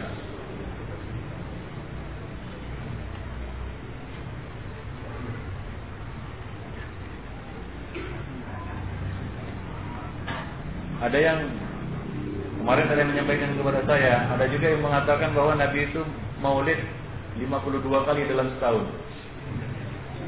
Baru tiap minggu maulid katanya. Ya, udah gulu, apa namanya berlebih-lebihan. Ya, kalau antum mau tahu uh, sejarah perayaan Maulid ini ada buku itu apa namanya? Uh, uh, buku Bid'ah Haulia. Ya, Ritual-ritual bid'ah dalam setahun. Nah, itu ada disebutkan itu, panjang lebar ya, sejarah terjadinya Maulid ini. Dan saya juga mengisyaratkannya dalam secara singkat di buku itu, bincang-bincang seputar tahlilan, maulidan dan yasinan. Ya. Coba baca di situ. Yang mengadakannya adalah Bani Ubaid Al-Qaddar. Ya, Bani Ubaid Fatimiyin. Ya, orang-orang Fatimiyun yang mengadang-adakan acara Maulid ini ya untuk satu tujuan yang buruk bukan untuk satu tujuan ya, seperti yang di, untuk mengenang Nabi dan lain sebagainya di acara itu mereka mencaci maki sahabat. Ya. Lalu mereka berpesta pora, mengumpulkan orang-orang sufi berdansa. Ya, makan-makan secara mubazir. Itu awal awal awal apa namanya? awal uh, mula ataupun asal usul perayaan Maulid. Jadi sama sekali bukan untuk mengenang apa namanya nabi ataupun apa pun yang mereka alasan-alasan yang mereka kemukakan itu gak ada. Ya, dan pelaksana awalnya adalah Bani Ubaid yang itu adalah Syiah. Kerjanya itu mencaci maki sahabat-sahabat Nabi, mencaci maki Abu Bakar dan Umar. Itulah dia pengasas Maulid. Ya bukan pula seperti yang dituduhkan yaitu Salahuddin Al Ayubi. Bukan. Ya, dia tidak pernah melaksanakan acara-acara seperti ini. Yang mengadakan adalah para muluk, para raja, ya untuk menghambur-hamburkan harta. Lalu mereka mengundang kaum sufi untuk menari-nari di dalam acara itu dari pagi eh, eh, selama apa namanya semalam suntuk. Nah seperti itulah dia dulu acara maulid itu, ya. Nah demikian. Jadi tidak lepas dari apa? Ya dari urusan perut kan begitu ya, dan urusan bid'ah. Nah lebih parah lagi apa yang dilakukan oleh Bani Ubaid, ya, yang mereka mengadakan itu, yang mengisinya dengan apa? ya dengan uh, apa namanya caci maki dan uh, apa namanya laknat terhadap sahabat. Nah, demikian. Jadi itu bukan ikhtilaf. Jadi perbedaan juga bukan semua yang yang terjadi perbedaan di kalangan umat dikatakan perbedaan pendapat di kalangan ulama.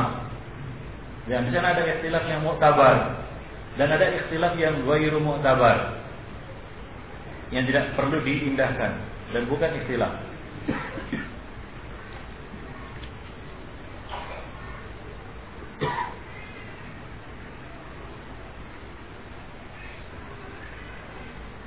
Tolong jelaskan dalam jual beli harga yang layak tidak zalim. Harga yang wajar. Apakah mengambil keuntungan laba 100 sampai 200% dari harga beli dibolehkan? ya tentunya tidak ada ketentuan khusus dari Rasulullah dari syariat berkaitan dengan berapa persen mengambil untung. Cuma ini dari sisi adab. Ya janganlah dia mengambil untung terlalu banyak. Ya, terlalu apa? banyak, terlalu besar, hingga ini akan menyulitkan orang yang membutuhkan barang itu. Ya, yang membutuhkan barang barang tersebut. Nggak bisa beli dia kenapa? Karena harganya melambung tinggi ya, dan seterusnya. Jadi ini ini dari sisi adab ekonomi. Nanti dalam bab jual beli juga kita akan jelaskan bahwasanya di sana ada faktor lain yang yang yang eh, di samping faktor hukumnya, yaitu faktor etika, etika dagang, etika jual beli. Kadang-kadang ini yang dilupakan. Ya, kalau uh, hukum-hukum dagang mungkin sudah jelas, tapi etika dagang ini yang sering di, dilupakan. Ya, etika dagang. Ya, salah satu contohnya adalah bersumpah dengan sumpah palsu. Kan begitu ya? Berkata dusta. Jadi dalam apa namanya berlaku curang dan lain sebagainya. Ini etika. Nah, demikian.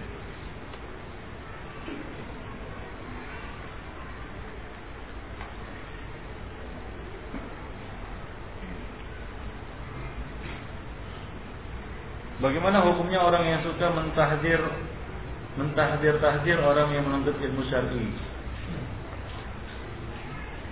Rasul dari mengatakan mayuridillahu bihi khairan yufaqihu fid Barang siapa yang Allah kehendaki baik, maka Allah akan beri dia apa? Taufik untuk mendalami agama. Ya, ini jalannya. Nah, kalau ada yang merintanginya, maka dia termasuk ya, Allah akan menjadi lawan baginya. Apa? Allah akan menjadi lawan baginya. Kenapa? Karena Allah menghendaki baik untuk orang ini dengan apa? Dengan menuntut ilmu fikih. Ya dengan mendalami agamanya. Lalu datang orang lain, dia menghalanginya. Ya dia menghalanginya. Nah, kira-kira antum tahu sendirilah bagaimana pandangan antum terhadap orang ini. Dia mentahdir misalnya atau dia menghalang-halangi ya atau dia berusaha untuk mem mempersulit kan begitu ya. Ya, dan kadang-kadang meneror kan begitu ya atau mengajak untuk tidak apa? Untuk tidak menuntut ilmu. Nah ini antum tahu sendirilah bagaimana jawabannya. Dan apa yang pantas bagi orang seperti ini? Ya, apa yang pantas bagi orang seperti ini? Ya tentunya dia tidak menuntut ilmu pastinya, kan begitu ya? Nah demikian. Dan, ini sangat pembahas apa, perkara yang sangat serius di Konfidil. Azani Allah wa Ada sebagian orang yang ya apa namanya lentur semangatnya menuntut ilmu karena apa yang kita katakan uh, fitnah kita katakan fitnah. Uh, lebih tepatnya fitnah. Ya uh, dari sebagian oknum kita katakan dia mengatakan ngapain kamu belajar? Atau dia sibukkan dengan yang yang lain. Dia sibukkan dengan yang lain. Atau dia fitnah ya, kita katakan eh, ya pukulan kalau dari musuh itu nikmat terasa. Kalau ahli bid'ah yang mukul kita seperti itu, nikmat terasa. Kenapa? Karena pukulan dari musuh. Paham tuh? Tapi kalau pukulan dari kawan sendiri, sakit itu sakitnya sangat sangat dalam. Lukanya juga sangat dalam. Gak sama itu. Ya, jadi hati-hatilah antum jangan menjadi orang-orang yang ya sudduna ansabilillah. Menghalangi orang dari apa? jalan Allah Subhanahu. Ada seorang teman yang sudah bagus-bagus dia mau mau belajar kan begitu ya, mau menuntut ilmu, mau mengikuti program misalnya bahasa Arab, ya kita buka program ulunuha kan begitu ya. Udah semangat dia tapi dikendor-kendorkan semangat itu. Coba antum lihat sendiri. Sementara dia sendiri tidak ikut. Dia sendiri tidak belajar. Subhat sebagian orang, wah nanti saya belajar dengan orang lain yang yang lebih alim. Tunggu ulama datang. Ini ini subhat dari ini nggak ngerti dia itu. Metode dan tarifah menuntut ilmu. Itu subhat. Itu cuma apa namanya? Cuma alasan. Toh kalaupun datang ulama, dia juga nggak menuntut ilmu. Nah demikian. Dan entah kapan datangnya ulama dan kapan kita dia belajar juga nggak nggak jelas juga itu itu. Nah demikian. Jadi hati-hatilah. Ya, janganlah kita apa namanya ya menjelek-jelekkan majelis ilmu. Ini nggak benar, bukan itu. Jadi itu sangat tidak benar. Ya, antum katakan ini majelis-majelis untuk mencari uang kan begitu ya. Nah itu ekonomi Kalau itu dari musuh, musuh yang mengatakan seperti itu, itu kita bisa terima lah. Tapi kalau dari kalangan kita sendiri itu sangat menyedihkan, paham? Memprihatinkan begitu. Lalu bagaimana orang bisa mendengar? Bagaimana orang bisa apa? Mengikuti manhaj yang benar, akidah yang benar, mengikuti sunnah. Ya, sementara majelis-majelis sunnah sekarang ini kan langka. Langka. Nah yang langka ini kemudian antum fitnah juga. Ya kita katakan kita nggak minta-minta duit.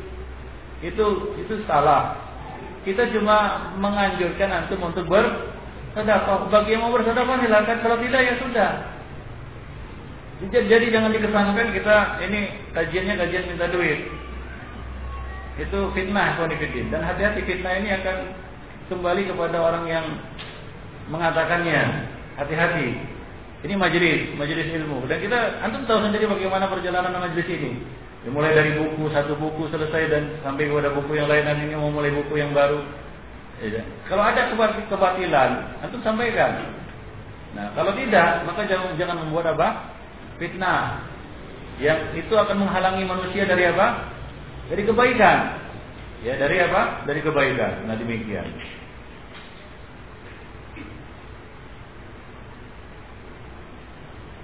Tapi kalau antum merasa antum lebih pintar dan bisa mengajarkannya, silakan antum duduk di sini, biar saya duduk di situ. Ya, karena sekarang ini ada orang yang merasa lebih pintar dari ustaznya kan begitu ya. Saya kalau ada yang saya lihat ada yang antum lebih pintar, lebih fakih, dan lebih alim, ya silakan antum duduk di sini biar anda yang menuntut ilmu kepada antum. Kan begitu.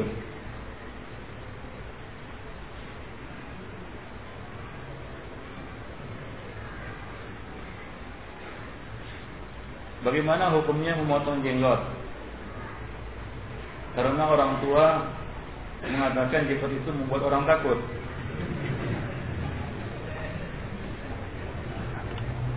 Ikhwanifiddin Para ulama mengatakan Ridhan nas Ghayatun la sudrak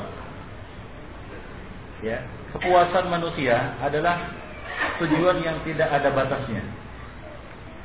Kalau kita mengikuti kata orang Kata orang itu gak selesai-selesai Nanti kalau itu sudah cukur Nanti kamu seperti banci Balik lagi Kalau ngikutin manusia, kata manusia, nggak akan selesai. Ridho manusia, kepuasan manusia itu adalah royatun la la tudrok. Yang nggak akan bisa kita kita kejar, kita tidak akan kita bisa capai. Namanya kepuasan manusia. Nah, jadi jangan hiraukan hal-hal seperti ini.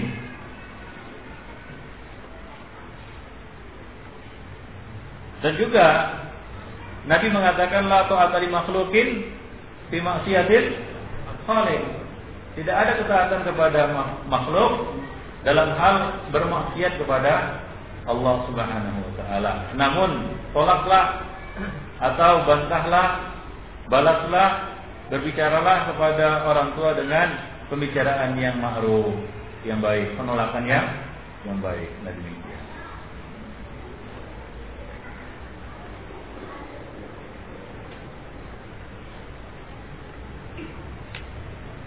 Berapa tahun kita mempelajari ilmu fikih? Ilmu ini nggak ada limitnya, ya artinya nggak ada batasnya. Ya, berapa tahun antum belajar ilmu akidah? Wah saya sudah tamat. Kemarin sudah saya kita sampaikan. Eh, saya sudah tamat buku ini dan ini. Sudah selesai itu? Belum. Terus, ya nggak boleh berhenti. Ya, kalau ada antum ada kesempatan untuk naik tingkatan yang lebih tinggi, maka antum harus mengejarnya. Ya, narfa'u darajatin man nasya. Imam Malik mengatakan bil ilmi, kami angkat derajat bagi siapa saja yang kami kehendaki yaitu dengan apa? Dengan ilmu. Jadi naik derajat itu dengan apa? Dengan dengan ilmu. Maka setiap kesempatan, ingat setiap kesempatan yang antum bisa menambah ilmu antum, ya menambah derajat antum, kejar. Paham? Dikejar. Ada kesempatan peluang untuk naik lebih tinggi derajatnya, maka dikejar. Jangan disia-siakan. Jadi nggak ada limit tahunnya, nggak ada batas waktunya.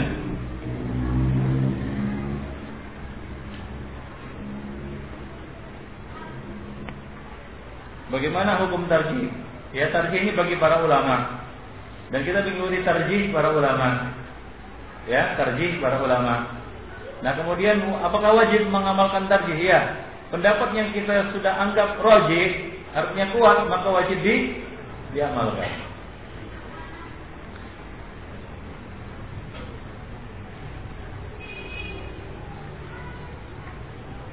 Talak berapa? Kalau kita rujuk kepada istri harus tidak kabul. Talak tiga.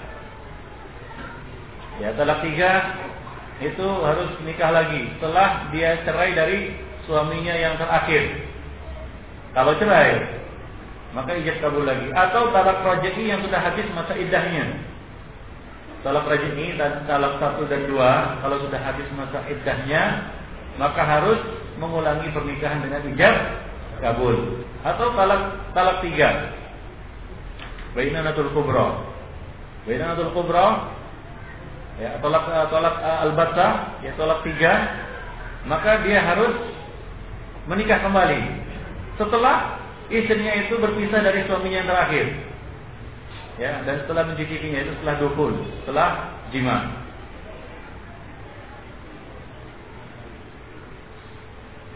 Adakah talak tiga langsung tanpa talak satu dan dua?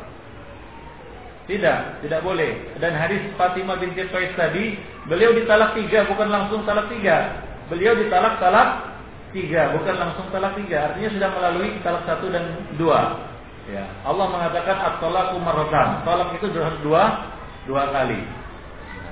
Talak harus dua, dua kali. Talak satu dalam dua. Jadi tidak sah langsung talak tiga. Nah kalau dia melakukannya maka terhitung talak satu. Ya kalau dia melakukannya maka terhitung talak talak satu.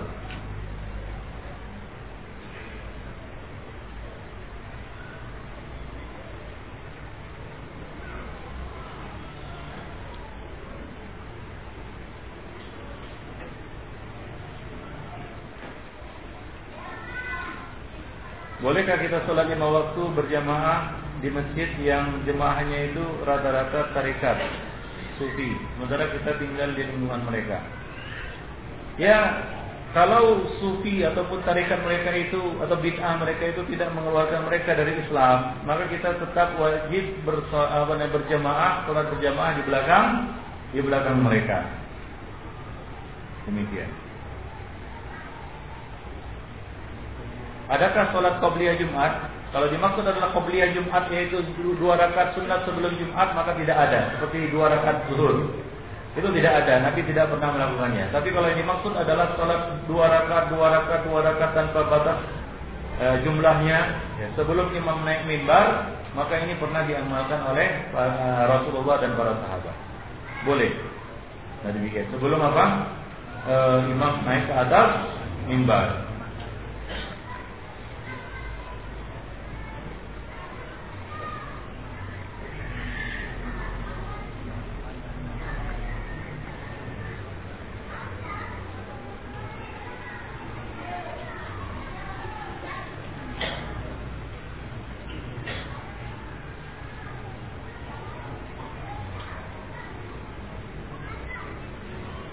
Apakah benar riwayat yang menjelaskan bahwa terjadi penawaran antara Rasulullah dengan Allah terhadap bilangan salat 50? Karena ada sebagian penjelasan bahwa bilangan 50 tersebut berarti Allah tidak tahu kemampuan makhluknya.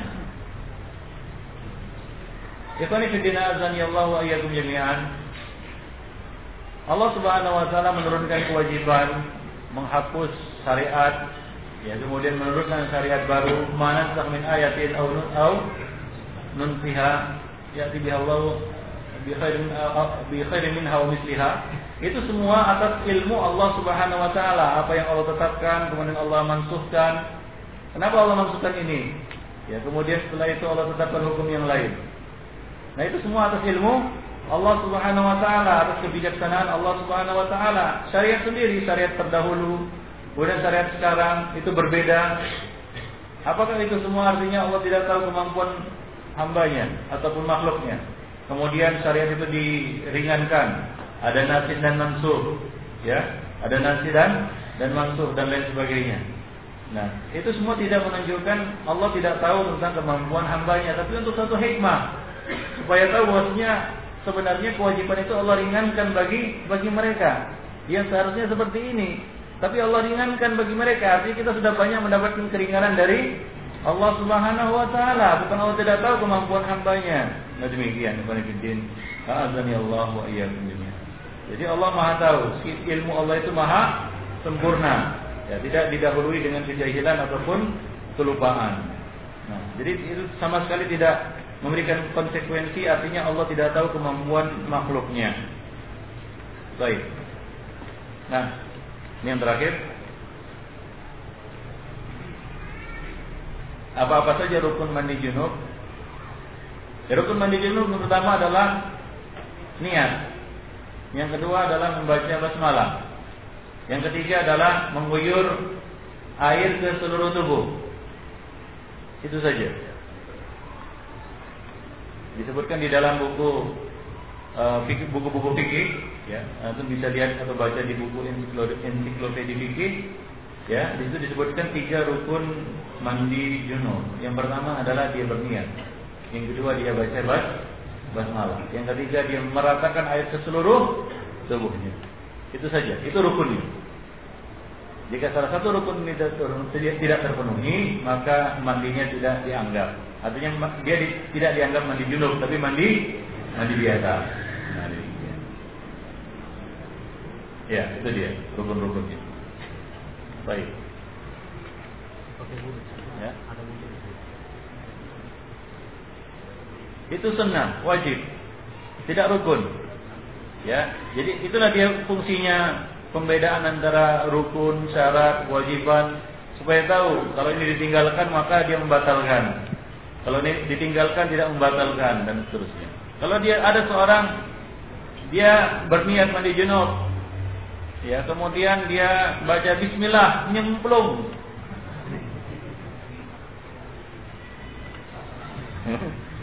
Tahu nyemplung? Sungai kah atau kolam kah kan begitu ya? Dia junub ini. Ya, dia niat Ya, ambil ancang-ancang pinggir kolam, bismillah, ada dar gitu. ya, muncul lagi. Enggak, tapi niatnya mandi junub, dia baca bismillah, ya, dan dia nyemplung ke kolam, sah mandinya. Ya, nah demikian. Dan kalau dia muncul naik, ya, udah basah semua kan begitu ya, karena nyemplung masuk, ya, ya maka dia sudah mandi, mandi junub. Demikian. Allah. Hah? wudhu wajib mandi, tidak termasuk rukun. Ya, artinya di eh, sunnah, sunnah Nabi, Nabi mandi, Nabi ber, ber apa namanya, berwudhu sebelum mandi junub. Ya, itu sunnahnya, sunnah tata cara mandi junub sesuai dengan apa? Dengan kaifiat yang diajar oleh Nabi. Ya, paham maksudnya? Itu orang itu dia mandi kan gitu ya, uh, mandi, uh, apa? Berwudhu kan begitu ya, dan ada menyisakan kaki dan boleh juga menuntaskannya Ya, kemudian baru apa? Mengguyurkan air ke seluruh tubuh, dimulai dari sebelah kanan, kemudian sebelah kiri kan begitu ya. Ada kaifiatnya. Cuma ini masalahnya masalah rukun. Kalau ditanya rukun, maka rukunnya itu. Nah, kalau dia lakukan rukun itu, masalah sah dan tidak sahnya mandi itu tergantung rukunnya. Sama seperti salat. Sama seperti salat. Kalau dia meninggalkan satu kewajiban dari kewajiban-kewajiban salat, sah salatnya. Sah. Ya, paling dia disuruh apa? Mengerjakan sujud sahwi. Tapi kalau yang ditinggalkannya rukun, kalau yang ditinggalkannya rukun, sah salatnya, tidak sah salatnya karena dia meninggalkan rukun. Misalnya dia meninggalkan ruku, dia meninggalkan sujud, dia meninggalkan takbiratul ihram. Kalau ada orang yang meninggalkan takbir dari berdiri ke ruku, sah salatnya? Sah. Kalau ditanya sah ya, sah. Nah, di situlah pentingnya kita mengetahui ada rukun, ada dan ada apa? Dan ada e, wajib, ada sunnah, kan begitu ya? Ada yang mubah. Nah, demikian. Allah.